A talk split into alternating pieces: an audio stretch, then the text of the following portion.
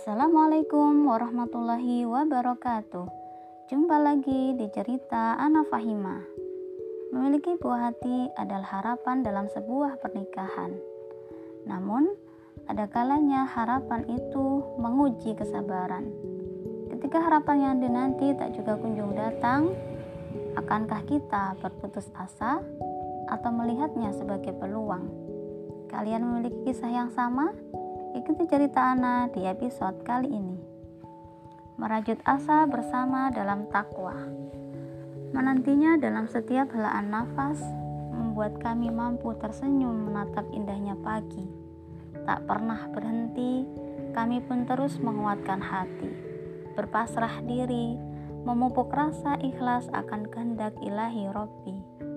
Suara tawa yang khas, binar mata yang indah, celoteh polos pelepas lelah, rengekan manja yang akan menyibukkan seisi rumah, tingkah pola tanpa rasa bersalah, nasihat kecil meluluhkan ego yang membuncah, mengantarkannya tumbuh menjadi pribadi yang solih solihah, adalah harapan yang membuat kami teguh melangkah. Bulir bening jatuh pun kadang tak terasa.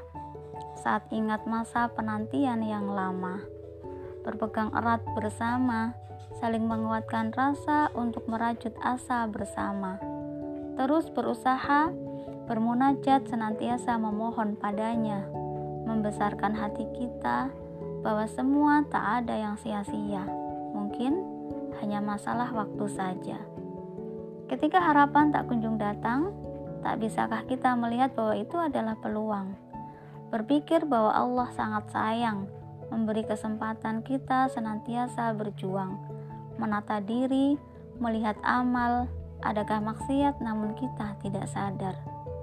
Semua adalah titipan, jangan sampai dia melenakan.